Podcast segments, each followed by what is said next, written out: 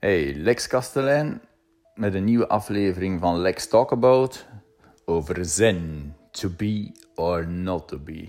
Woehoe. Wel, bij zen maakt het bij wijze van grap altijd zenuwen en nerveus van. En dat zegt al veel.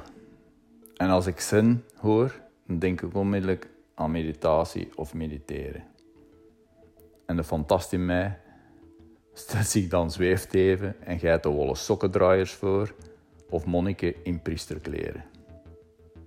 Ja, dat is niet helemaal onjuist trouwens, maar ondertussen is er meer en meer wetenschappelijk bewijs van de positieve effecten van meditatie. En hoe langer hoe meer begon ik mijn mening eigenlijk te zien over dat feit. Ik ben er mee geconfronteerd in talrijke podcasts, want iedereen die me kent weet dat ik redelijk veel in een auto zit en dan luister naar podcast. En ik werd eigenlijk gebrainwashed over al die succesvolle mensen die aan meditatie doen. dacht ik, waarom zou ik dat doen? En dat gaat echt cliché klinken. Trust me, I've been there. Eh, maar een belangrijk punt is depressie na mijn niertransplantatie. Dus en ik weet dat je dan achteraf gevoeliger, of ze zeggen dat toch, gevoeliger zou kunnen zijn om te hervallen. Een binge-eter en de mensen die me kennen, ik ben een mikado, maar ik heb vreedbuien, vooral suikerverslaafd. Ik heb last van hoge bloeddruk, dat is typisch iets bij nierpatiënten. En stress, dus ja, bloeddruk, stress. Hè. En ik ben al redelijk ADD of ADHD, dus ik, zou daar voordelen kunnen van hebben, want de meditatie claimt dat je daar ja, zen van wordt, hè, rustig. En dan ongeveer twee jaar terug heb ik een experimentje opgezet en ik ging zes maanden begeleidend meditatie doen met Headspace. Dat werkte, zolang dat experiment duurde. En Alex die laat dat dan daarachter gewoon los.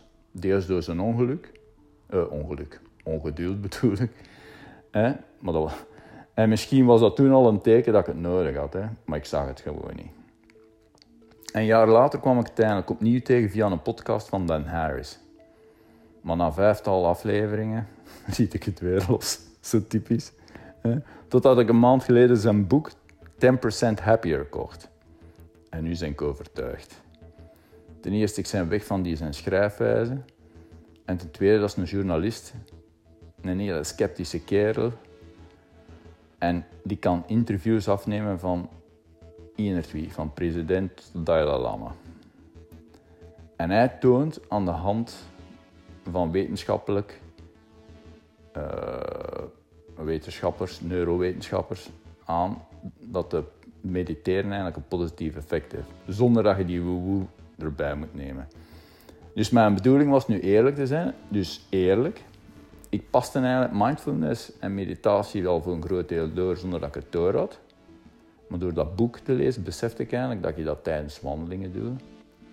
vooral als ik alleen ga. Ademhalingsoefeningen, de Wim Hof methode, hardlopen, zelfs als ik alleen eet. Maar dat boek gaf me alleen maar bevestiging.